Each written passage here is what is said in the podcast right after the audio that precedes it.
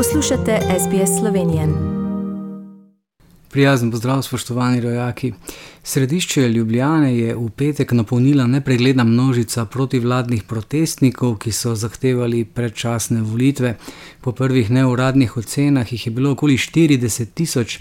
Za varnost je skrbelo več kot 100 policistov, protest, poimenovan Vseslovenska ustaja za predčasne volitve, pa je potekal mirno. Upali so, da nas bodo ustrahovali, upali so, da nas bodo utišali.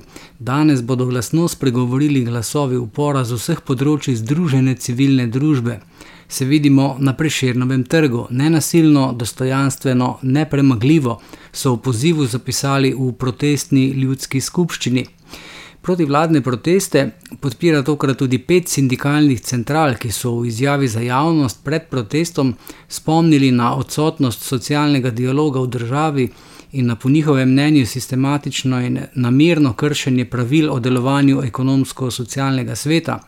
Prav tako proteste podpirajo tudi stranke Levice, LMŠ, Levica, stranka Socialni demokrati in SAP, kar jim daje še posebej političen ton.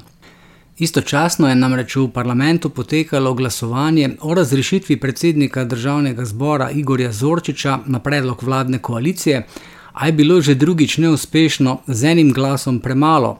Dan prej je v parlamentu potekala razprava o ustavni obtožbi zoper predsednika vlade Jana Zajanša na predlog opozicije, ki prav tako ni uspela kar samo potrjuje, da se je Slovenija znašla v popolnem političnem pad položaju, ko vlada nima niti toliko glasov, da bi lahko izglasovala dnevni red seje parlamenta, opoziciji pa vse le zmanjka ta glas ali dva. Predčasne volitve so zato vse bolj verjetna in zaželena možnost. Medtem pa si vlada mesec dni pred prevzemom predsedovanja svetu Evropske unije med članicami poskuša umiti obraz v obtožbah, da z grožnjami onemogoča medijski pluralizem v Sloveniji.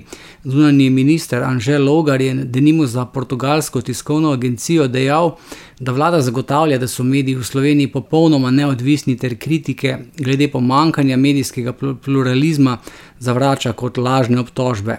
Drugo predsedovanje Slovenije svetu Evropske unije bo zelo drugačno kot tisto prvo iz leta 2008, ne le zaradi epidemije, ki je močno zarezala vsak dan celotne povezave, temveč predvsem zaradi zmanjšanja vloge sveta Evropske unije in krepitve moči drugih inštitucij. Zagotovo ne bo nobenih srečanj, kakršno je bilo Bush-Putin. Kar pa je možno, je eden ali več prebojev na zakonodajnih predlogih, ocenjujejo poznavalci. Ne samo Slovenija, tudi vse druge države so v zahtevnem položaju, kako predsedovati v kriznih razmerah. Evropska unija je namreč že več kot desetletje v obdobju nenehnih preprečih vprašanj in kriz.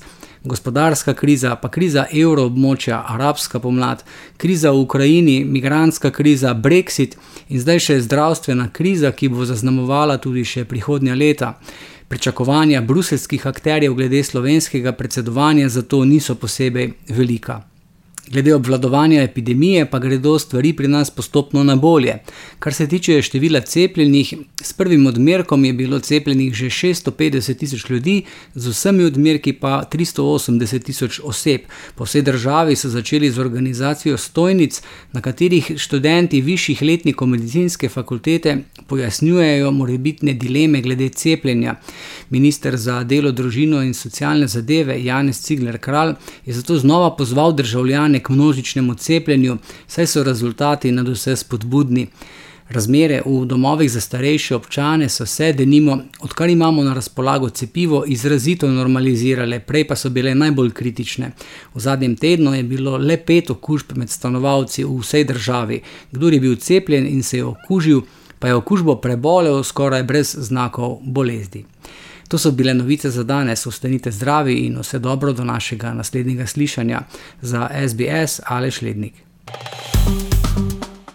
Všečkaj, deli, komentiraj.